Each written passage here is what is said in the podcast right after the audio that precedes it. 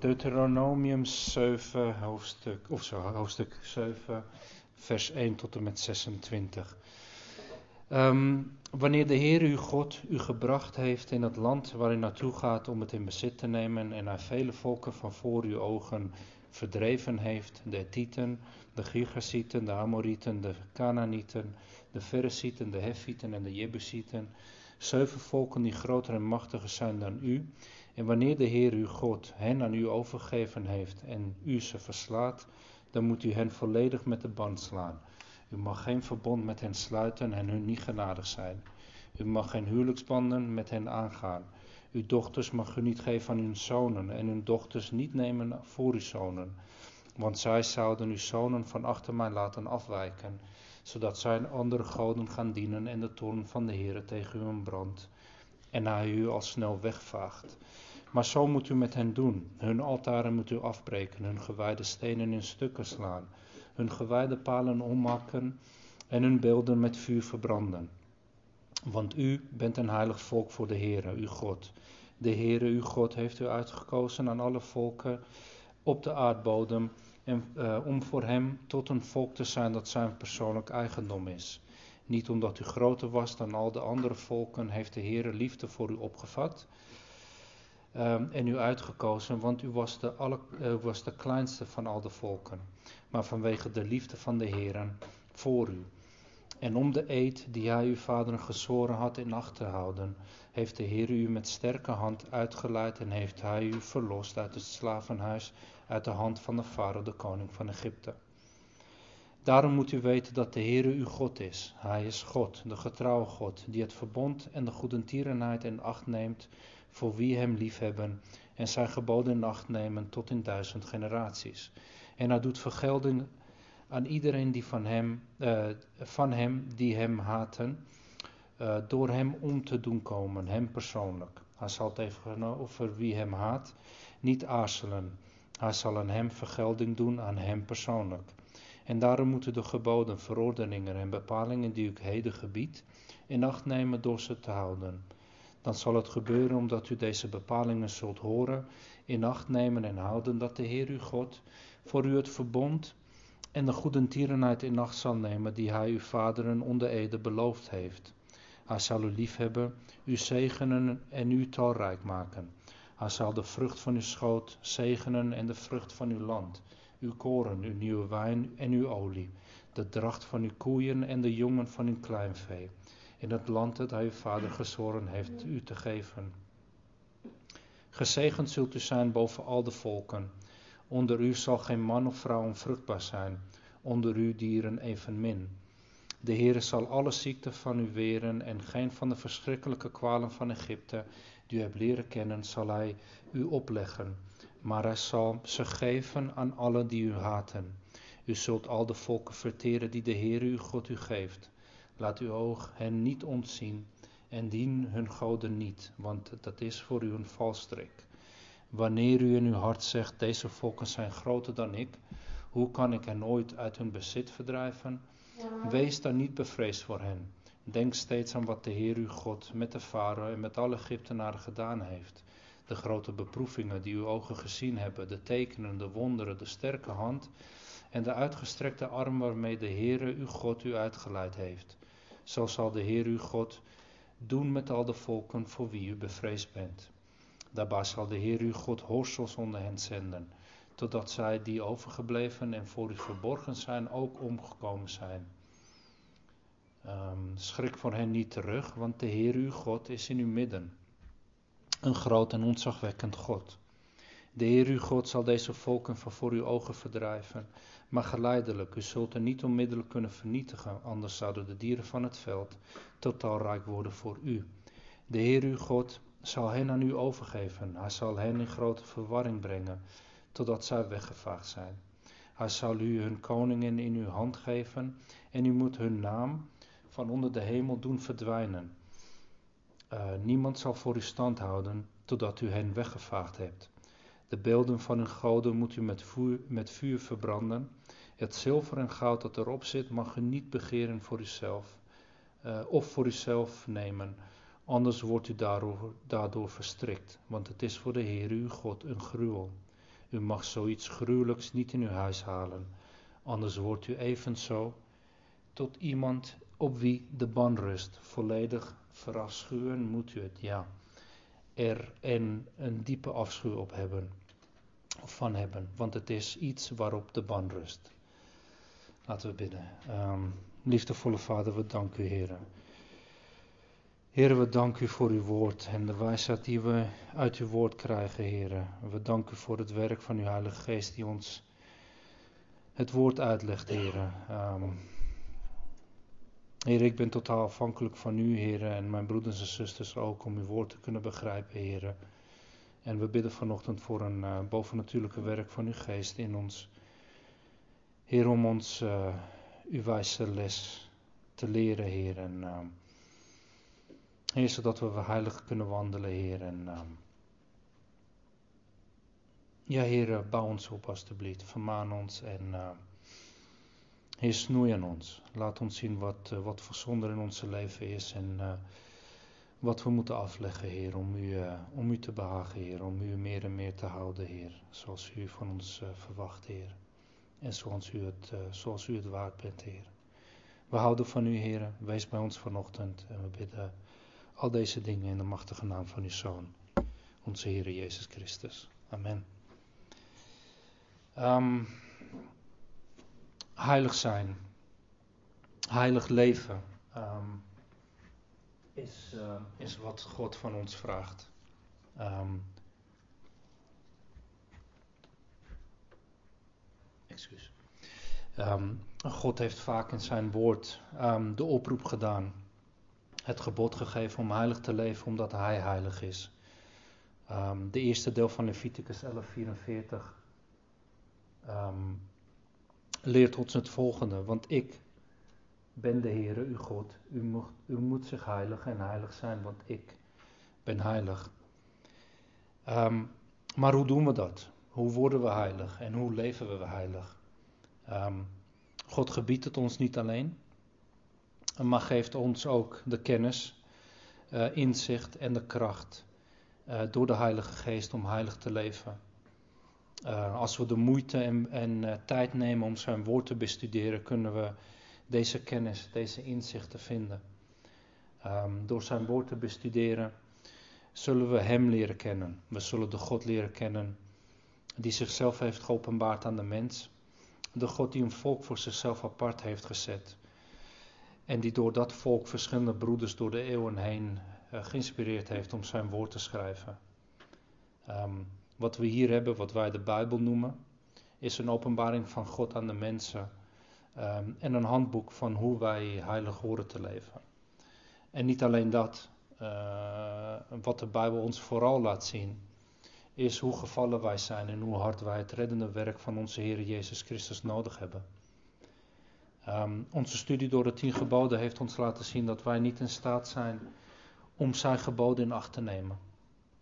Menselijk gezien is niemand op aarde in staat om zijn of haar redding te verdienen. Het enige wat wij kunnen doen is het gratis offer op het kruis um, van onze Heer Jezus Christus te accepteren. Maar da daar stopt het uh, niet bij. Onze redding is een gave van God. Het is een gratis gave van God.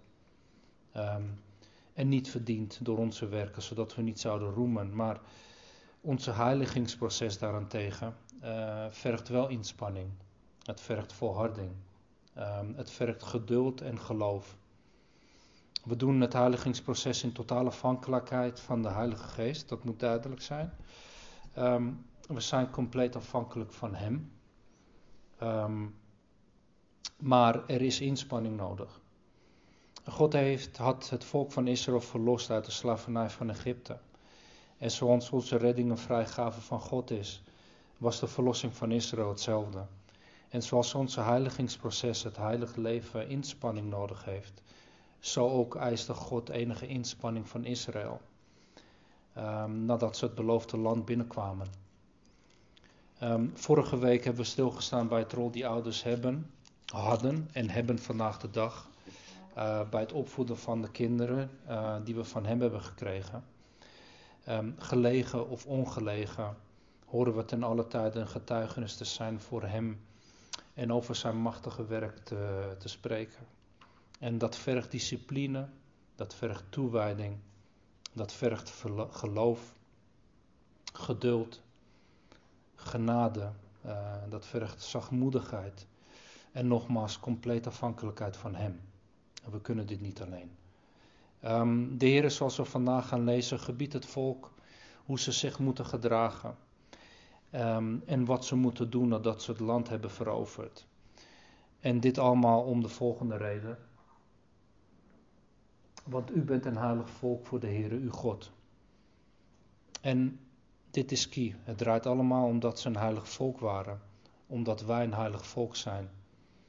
Maar vooral omdat God heilig is. En zijn heiligheid is fundamenteel, willen we begrijpen waarom hij ons oproept om dingen te doen. Uh, om onszelf te verloochenen. Om onze kruis op te nemen. Uh, om dingen van onze oude leven achter te laten. Om ons te bekeren van zonde. En alles wat wij doen is omdat we een heilige God dienen. En als beelddragers horen we Hem te vertegenwoordigen in alles wat we doen. Um, en de eerste paar versen die we gelezen hebben, die uh, hebben veel kritiek opgeleverd. Um, en wordt vaak benoemd door, uh, door de tegenstanders van God om zogenaamd te tonen dat uh, God niet liefdevol is. Um, en ook voor beleidende christenen kan het moeilijk zijn en een struikelblok. Uh, ten slotte, hoe kan een liefdevolle God het slachten van vrouwen, het slachten van, van kinderen en onschuldige mensen goedkeuren? Um, en laten we de eerste vijf versen weer lezen. Ik weet niet of jullie dat zien. Nee, achter niet. uh, het zijn de eerste vijf versen van hoofdstuk 7. Wanneer de Heer uw God u gebracht heeft in het land waar u naartoe gaat om het in bezit te nemen, en hij vele volken van voor uw ogen verdreven heeft, de Hethieten, de Girgasieten, de Amorieten, de Canaanieten, de Feresieten, de Hefieten en de Jebusieten, zeven volken die groter en machtiger zijn dan u. En wanneer de Heer uw God hen aan u overgegeven heeft en u ze verslaat, dan moet u hen volledig met de band slaan. U mag geen verbond met hen sluiten en hun niet genadig zijn. U mag geen huwelijksbanden met hen aangaan. Uw, vrouw, uw dochters mag u niet geven aan hun zonen en hun dochters niet nemen voor uw zonen. Want zij zouden uw zonen van achter mij laten afwijken, zodat zij andere goden gaan dienen en de toren van de Heere tegen u ontbrandt en hij u al snel wegvaagt. Maar zo moet u met hun doen, hun altaren moet u afbreken, hun gewijde stenen in stukken slaan, hun gewijde palen omhakken en hun beelden met vuur verbranden. Nou, we hebben verschillende manieren waarop um, wij antwoord kunnen geven op de kritiek. Um, maar er is één antwoord die voldoende moet zijn voor. Uh, ja, één antwoord die voldoende, uh, die voor een geestvervulde christen genoeg moet zijn. En dat is het volgende. God is wie hij zegt te zijn. God heeft het gebod gegeven en zijn geboden zijn goed. En um, goed, ik zal dat antwoord verder toelichten zometeen. Maar in principe moet dat antwoord bevredigend zijn voor een geestvervulde persoon.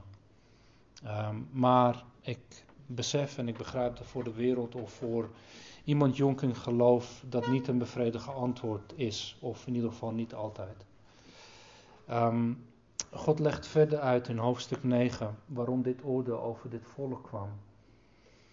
En we lezen in hoofdstuk 9, vers 5: Niet vanwege uw gerechtigheid of vanwege de oprechtheid van uw hart komt u hun land in om het in bezit te nemen, maar vanwege de goddeloosheid van deze volken verdrijft de Heere uw God hen voor uw ogen, van voor uw ogen uit hun bezit en om het woord gestand te doen dat de Heere uw God uw vaderen Abraham, Isaac en Jacob gezworen heeft.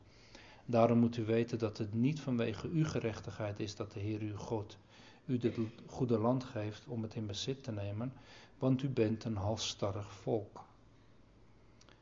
Um, dus de goddeloosheid van deze volken was dusdanig hoog dat ze beoordeeld moesten worden. Um, God had dit volk eeuwenlang de kans gegeven om zich te bekeren. Um, maar dit volk bleef doorgaan in hun goddeloosheid.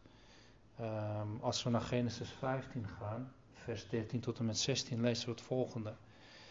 Toen zei God tegen Abraham: Weet wel dat uw nakomelingen vreemdeling zullen zijn in een land dat niet van hen is.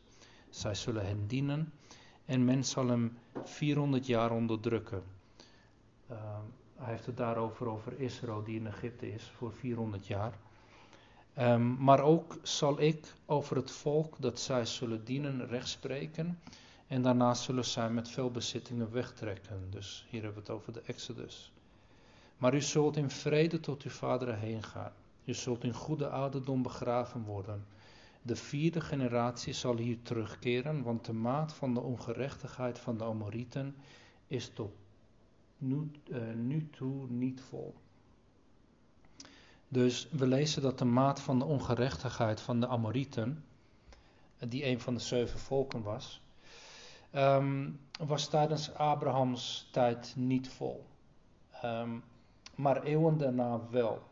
Van de tijd van Abraham tot de Exodus waren ruim 600, ja, ruim 600, klein 700 jaar verstrekt. En dat is hoe lang God genadig was met dit volk. Uh, dit, volk had een, uh, dit volk had van de verwoesting van Sodom en Gomorra geweten. En dit volk had ook geweten waarom Sodom en Gomorra verwoest was. Um, maar er, er, er, vond geen bekering uh, plaats. Um, de Hethieten, de Girgasieten, de Amorieten, de Canaanieten, de Feresieten en de Hefieten en de Jebusieten waren een goddeloze bevolking die in de naam van hun goden de meest afschuwelijke, afschuwelijke daden verrichtten.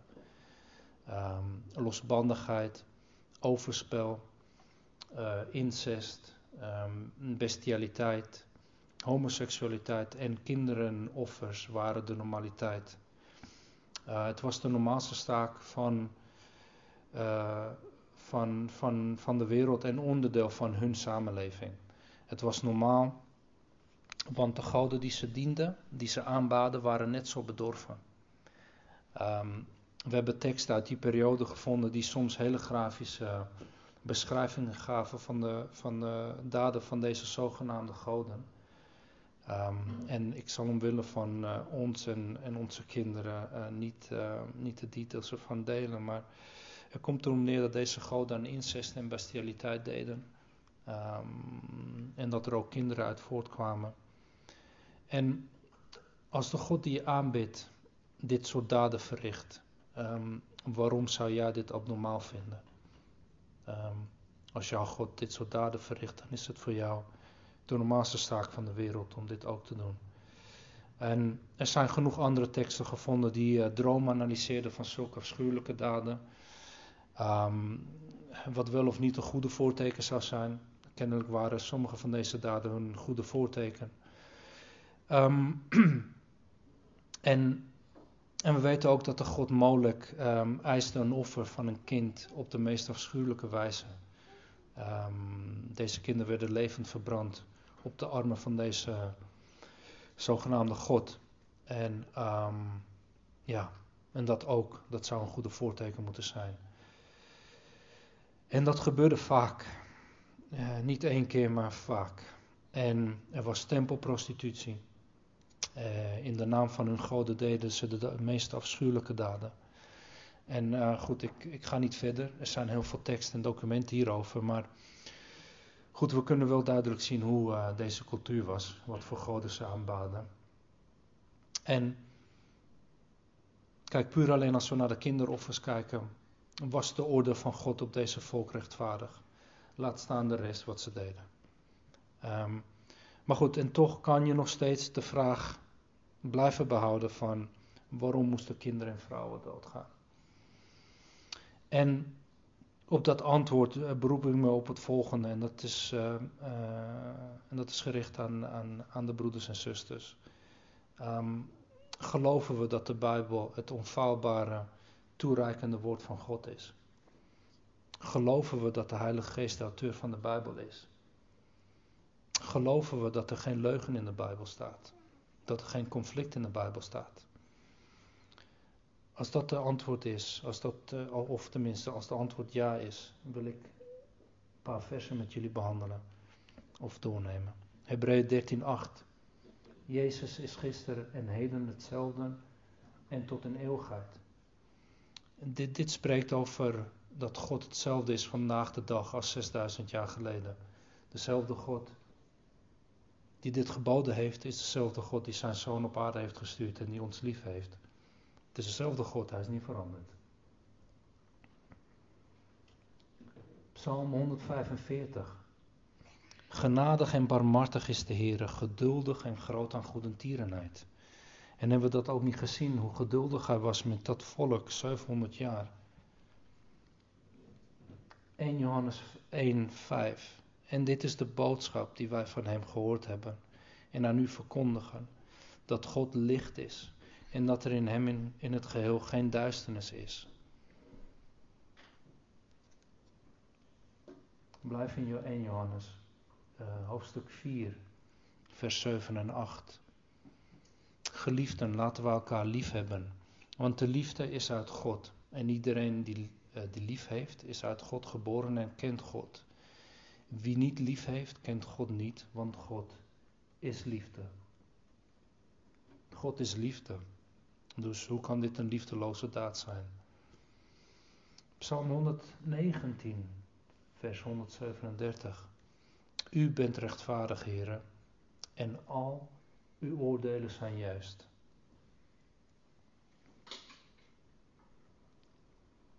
Psalm 139, vers 4. Als er nog geen woord op mijn tong, al is er nog geen woord op mijn tong, zie Heere, u weet het alles. Dit spreekt over de alwetendheid van de Heere. Dit spreekt over het feit dat de Heere wist en weet wat er met die kinderen zou gebeuren. Hij wist en weet of die kinderen zich zouden bekeren. God weet het alles. Dus de vraag die we ons moeten stellen, geloven we dit? Geloven wat we net gelezen hebben. Geloven wat er over onze God geschreven staat. En als het antwoord ja is, dan hebben we geen reden om de Heer in twijfel te nemen over wat hij het Joodse volk had bevolen. Is God rechtvaardig? Is God liefde? Is God licht en woont er in hem in het geheel geen duisternis? Is God alwetend? Dan is zijn oordeel over dit volk over kinderen, over vrouwen en mannen rechtvaardig en juist. Um, maar laten we verder gaan. In vers 2 beveelt de Heer het volk om iedereen uh, met de band te slaan. Maar dan in de volgende vers um, zegt hij dat ze geen huwelijksbanden mogen sluiten. En als je het zo leest, dan klinkt het een beetje raar. Want uh, als je iemand met de ban volledig slaat, hoe kan je dan huwelijksbanden hebben? Want uh, tenslotte had je ze met, volledig met de ban geslaan. En, maar ik denk dat het antwoord uh, gedeeltelijk, ik zeg ook gedeeltelijk in vers 22 ligt. Um, daar lezen we: De Heer uw God zal deze volken van voor uw ogen verdrijven, maar geleidelijk. U zult er niet onmiddellijk kunnen vernietigen, Anders zouden, ze, zouden de dieren van het veld te talrijk worden voor u. Dus aangezien het verdrijven van deze volken uh, geleidelijk was, uh, moest het volk waakzaam zijn om geen banden te vormen uh, met dit verdorven volk. Um, deze vers geeft ons inzicht in waarom de Heer het gebod gaf, maar ik denk ook dat er een tweede reden is. Um, de Heer weet dat het volk zijn gebod niet volledig in acht zal nemen. Nogmaals, uh, God, God is de kenner van harten. En God weet het begin van het einde. En weet dat Israël allerlei banden aan zal gaan met deze volken. Um, vers 4 laat ons zien waarom Israël deze volken volledig met de ban moest slaan. Daar lezen we, want zij zouden uw zonen van achter mij laten afwijken, zodat zij andere goden gaan dienen en de toorn van de Heer tegen u ontbrandt en hij u al snel wegvaagt. Dus nogmaals, God is de kenner van harten. God weet wat onze zwakheden zijn. God weet wat we straks gaan doen. God weet wat we gaan denken. God weet wat we nu denken.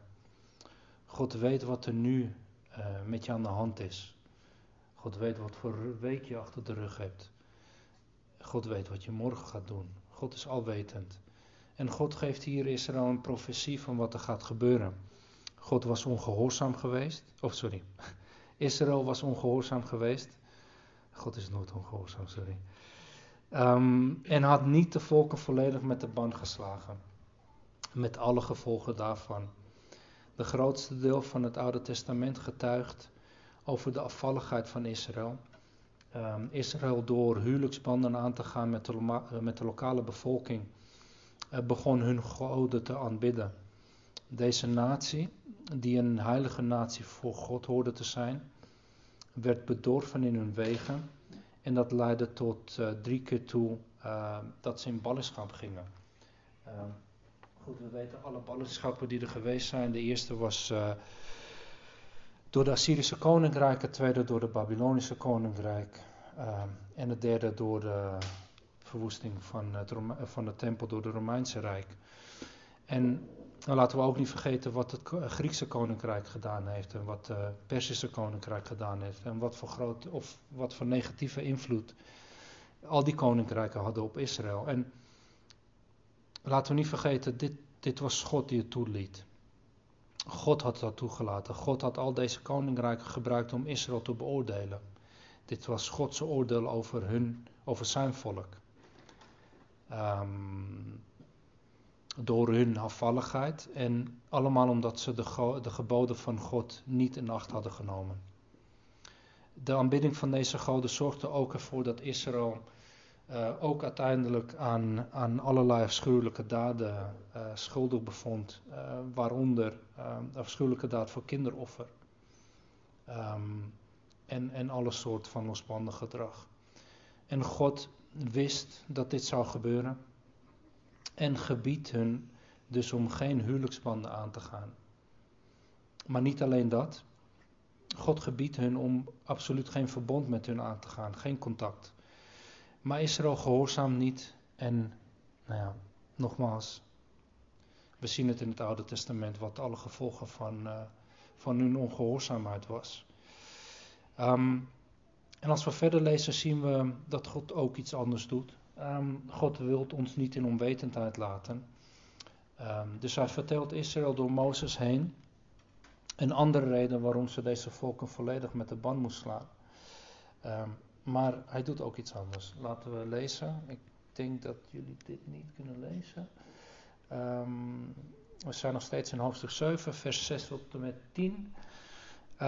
want u bent een heilig volk voor de Heere uw God.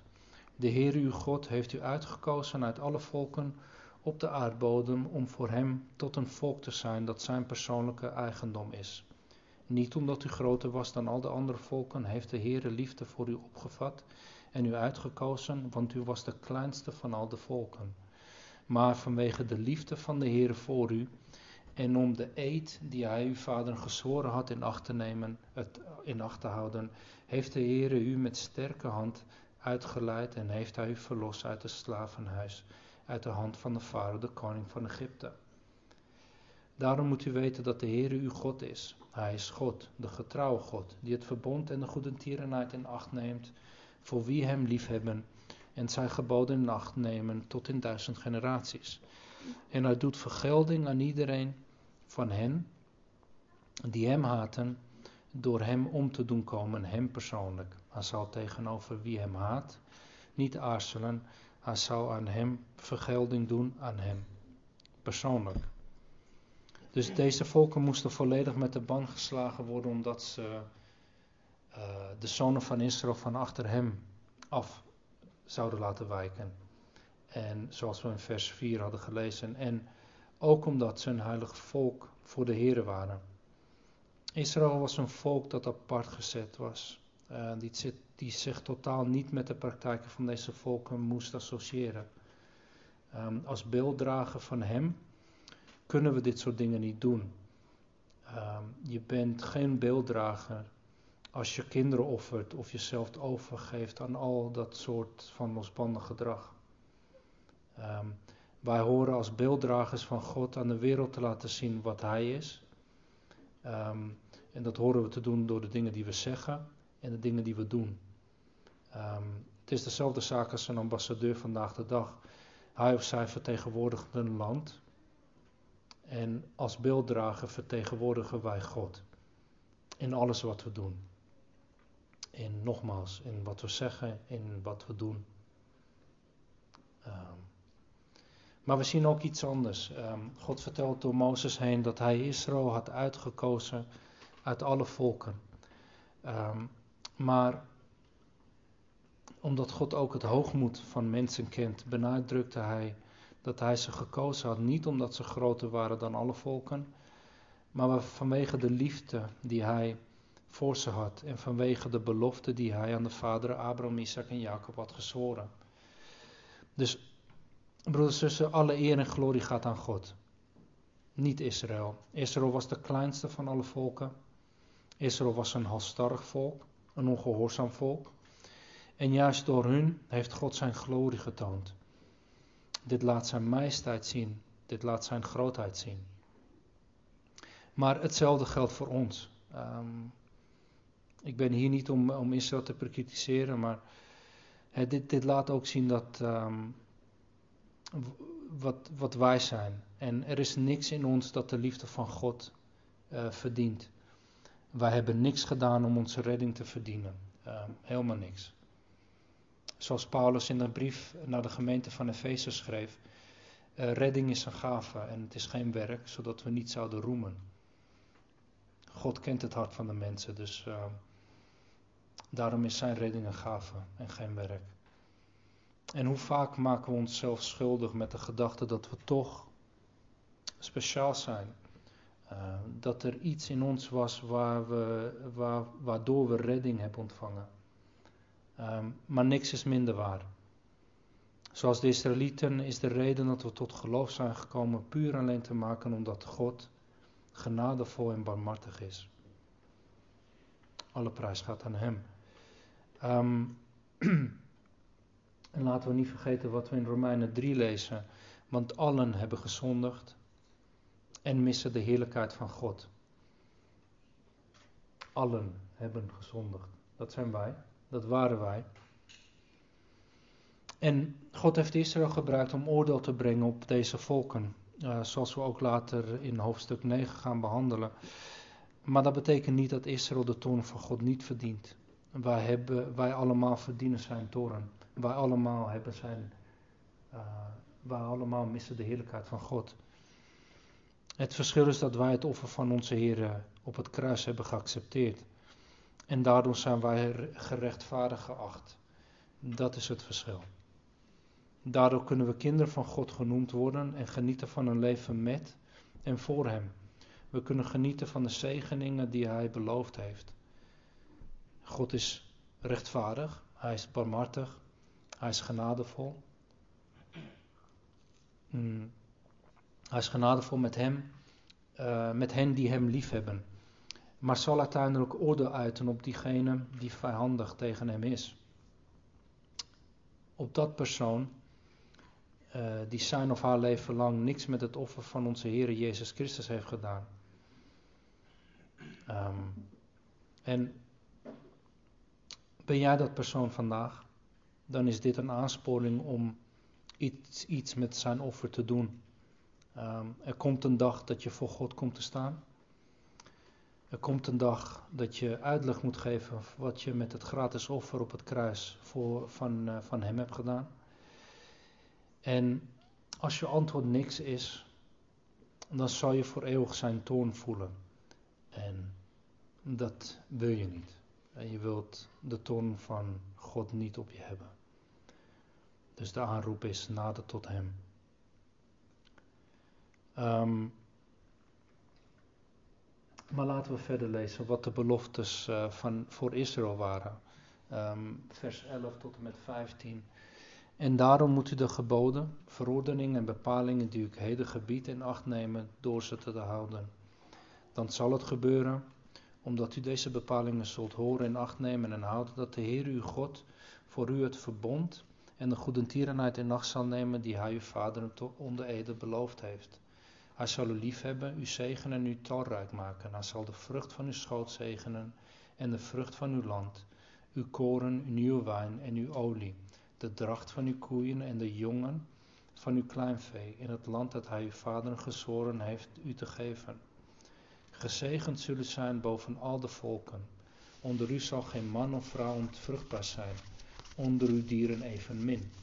De Heer zal alle ziekte van u weren en geen van de verschrikkelijke kwalen van Egypte die u hebt leren kennen, zal hij u opleggen, maar hij zal ze geven aan allen die u, haat, uh, die u haten.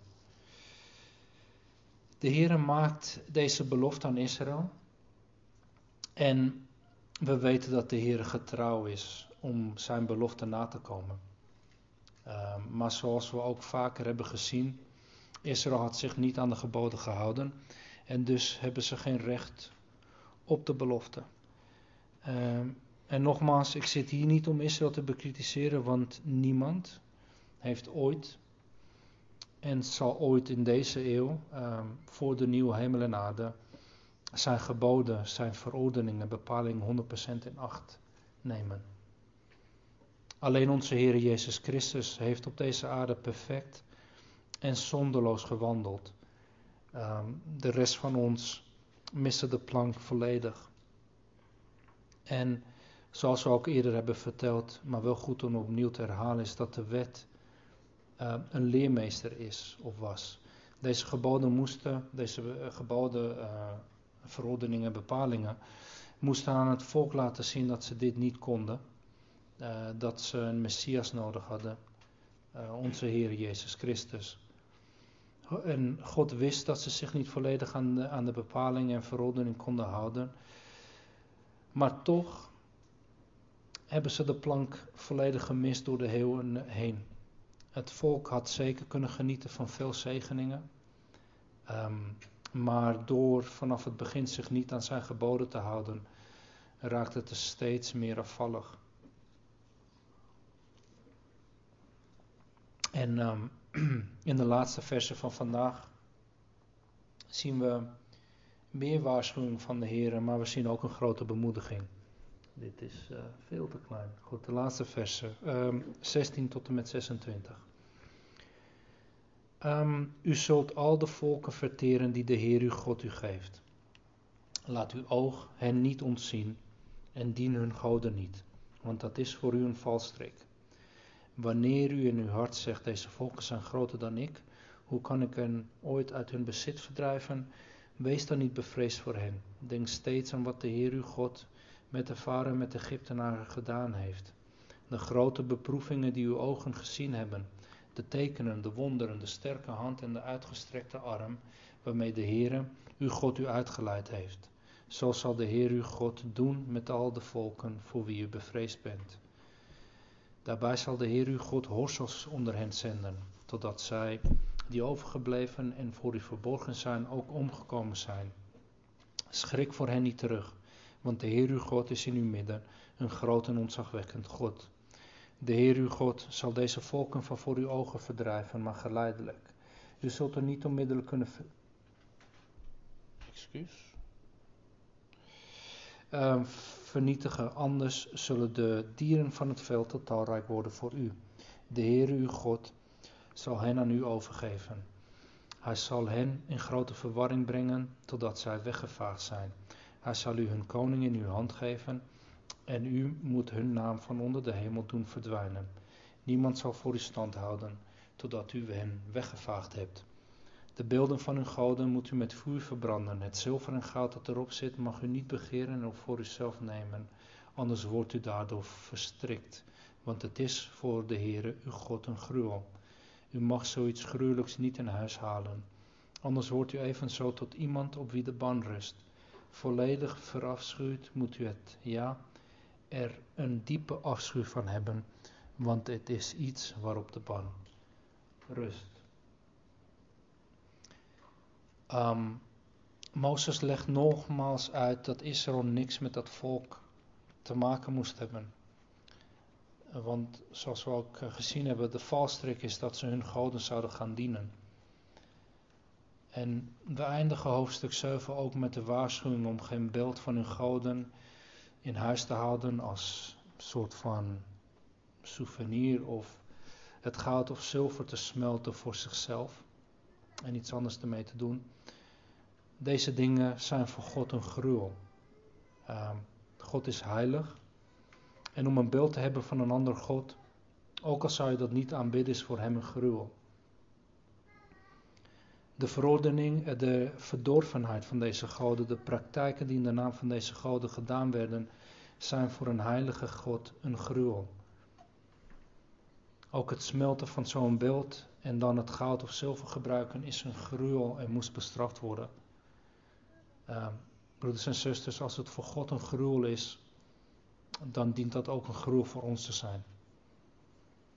En, maar tussen deze waarschuwingen zien we wel een grote bemoediging. Um, het is God, zoals we kunnen lezen, die al het moeilijke werk doet. Het is God die deze volken had verslaan. Het is God die het volk uit Egypte gered had. Het is God die met macht en kracht in onze leven is gekomen en ons uit de slavernij van zonden heeft gehaald. Israël kon zichzelf niet uit Egypte redden. Uh, Israël kon deze volken niet verslaan. Deze volken waren groot in aantal en gestalte. Maar zoals we hier lezen, het was God die de volken aan Israël had overgegeven en hen uitverdreven. Israël moest alleen aanwezig zijn en het werk afmaken. En in een soortgelijke manier. Wij hebben onze redding niet verdiend. Um, zoals we al gezien hebben, het is niet mogelijk. Um, Jesaja schrijft het, het, het volgende. Jesaja 64, 6. Echter, wij zijn allen als een onreinen. Al onze rechtvaardige daden zijn als een bezoedeld kleed. Wij allen vallen af als een blad en onze misdaden voeren ons weg als de wind. Ik denk dat het duidelijk is. Al onze werken zijn als een bezoedeld kleed. En we zullen nooit, en ze zullen ons nooit rechtvaardigen. Verlossing is altijd en exclusief het werk van de Heer geweest. Hij die voor ons op het kruis gestorven is en onze schuld op zich genomen heeft. Hij is het die het mogelijk gemaakt heeft. Het is zijn werk geweest. En um, ik ben vanochtend de studie begonnen met het aangeven um, wat de Heer van het Joodse volk had verwacht. En um, wat de Heer van ons vandaag de dag verwacht. En dat is heilig leven. En we, we zien door de schrift heen, uh, we zien door deze hoofdstuk en door, deze boek twee kanten van onze redding en wandel met de Heer. Eentje is onze zaligmaking en twee is onze heiliging. Er, is nog een derde, onze verheerlijking, maar die, die ga ik vandaag uh, niet behandelen. En onze zaligmaking is wat wij uh, puur gezien onze redding noemen het tot wedergeboorte gekomen. Het is wat de Heer op het kruis heeft gedaan. Um, het feit dat Hij zonderloos en perfect op aarde heeft geleefd. Uh, het feit dat Hij in perfecte gehoorzaamheid was tot onze Vader. En dat heeft de toorn van God bevredigd die normaliter op ons zou rusten. Wij, die vijandelijk tegen Hem waren, zijn nu schoongewassen door Zijn bloed. Um, hij heeft onze schuld genomen op het kruis. En het enige wat wij horen te doen is zijn gaven, zijn offer te accepteren. Dat is de gratis offer. Maar daar houdt het niet op. Um, kijk, dat proces, wat wij noemen het zaligmakingproces, wordt altijd gevolgd door onze heiliging. Um, iedereen die tot wedergeboorte is gekomen, zal vrucht dragen. Dat persoon um, zal zich bekeren van zonde in hun leven. En begint een proces waardoor ze beetje bij beetje uh, en meer en meer veranderd worden in het evenbeeld van onze Heer Jezus Christus. Dat persoon is actief bezig met heilig te zijn voor onze God. De eentje meer, de eentje minder, met piek en dalen, maar wel altijd in een stijgende lijn.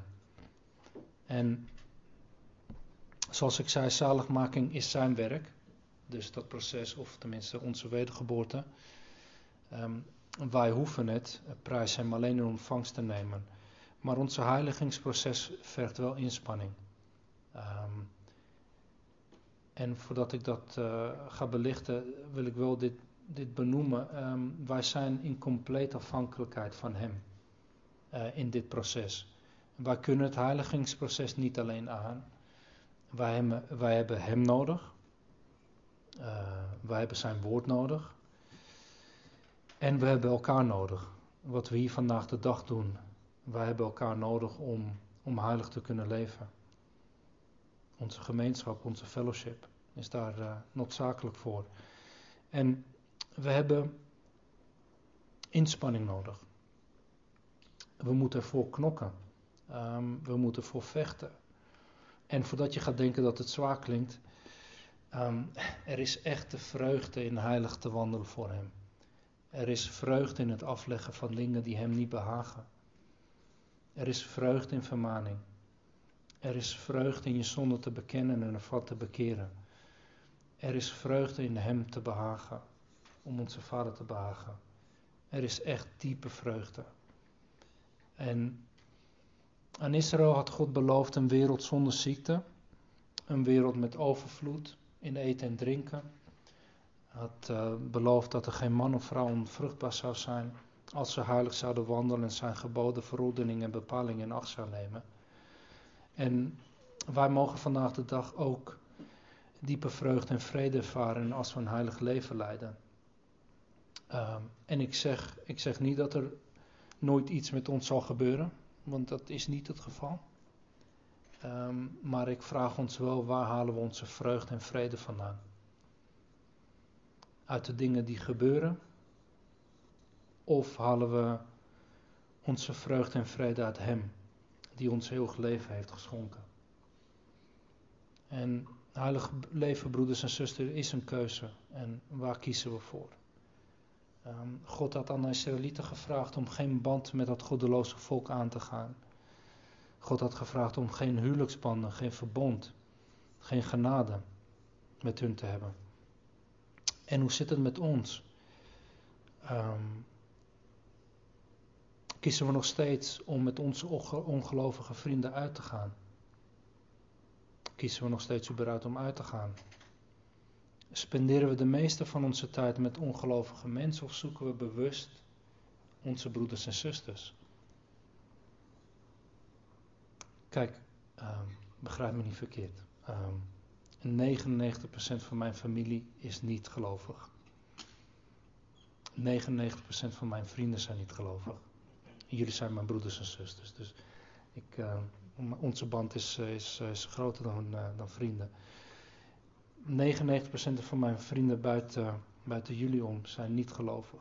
Ik hou van ze. En geniet van de, de tijd die we met elkaar hebben. En dus ik zeg niet dat we, dat we met uh, als de pest moeten vermijden. Maar één ding, voor alle liefde die ik voor hun heb, weet ik één ding. Ze kunnen en zullen mij geestelijk nooit kunnen opbouwen want ze willen niks met God te maken hebben.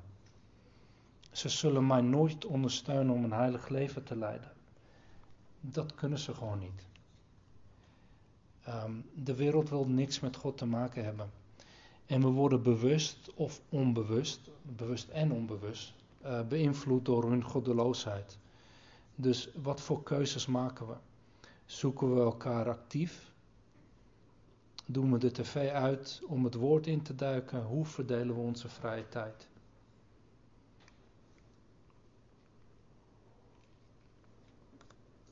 Paulus schrijft het volgende in 1 Korinthe 15. Dwaal niet, slecht gezelschap bederft goede, zeden. En eh, broeders en zusters, we moeten deze waarschuwing serieus nemen. Slecht gezelschap bederft goede zeden. Met alle goede intenties die wij hebben. Wij hebben elkaar nodig. We moeten, we moeten elkaar zoeken. En geen uh, slechte gezelschap uh, opzoeken. Um, maar aan de, aan de, andere kant van deze aansporing ehm, sorry, en aan de andere kant moeten we deze aansporing serieus nemen. Spreuken 27, 17 zegt ijzer schept men met ijzer, zo scherpt een man. Oh sorry, ijzer scherpt men met ijzer, zo scherpt een man het gezicht van zijn naaste. En deze aansporing spreekt over kinderen van God onder elkaar. Alleen als kinderen van God onder elkaar kunnen we elkaar aansporen en kunnen we elkaar aanscherpen. Um, en nog een belangrijke punt die God hier maakt. En wellicht het belangrijkste punt. Dat zijn huwelijksbanden. Um, je partner is ook je broeder of zuster in Christus. Als je single bent en wedergeboren gaat, ga niet op zoek naar een partner die ongelovig is. Je spendeert de meerderheid van je tijd met je partner. En waarom denk je dat je niet beïnvloed gaat raken door hem of door haar? Het is dwaasheid om zo te denken.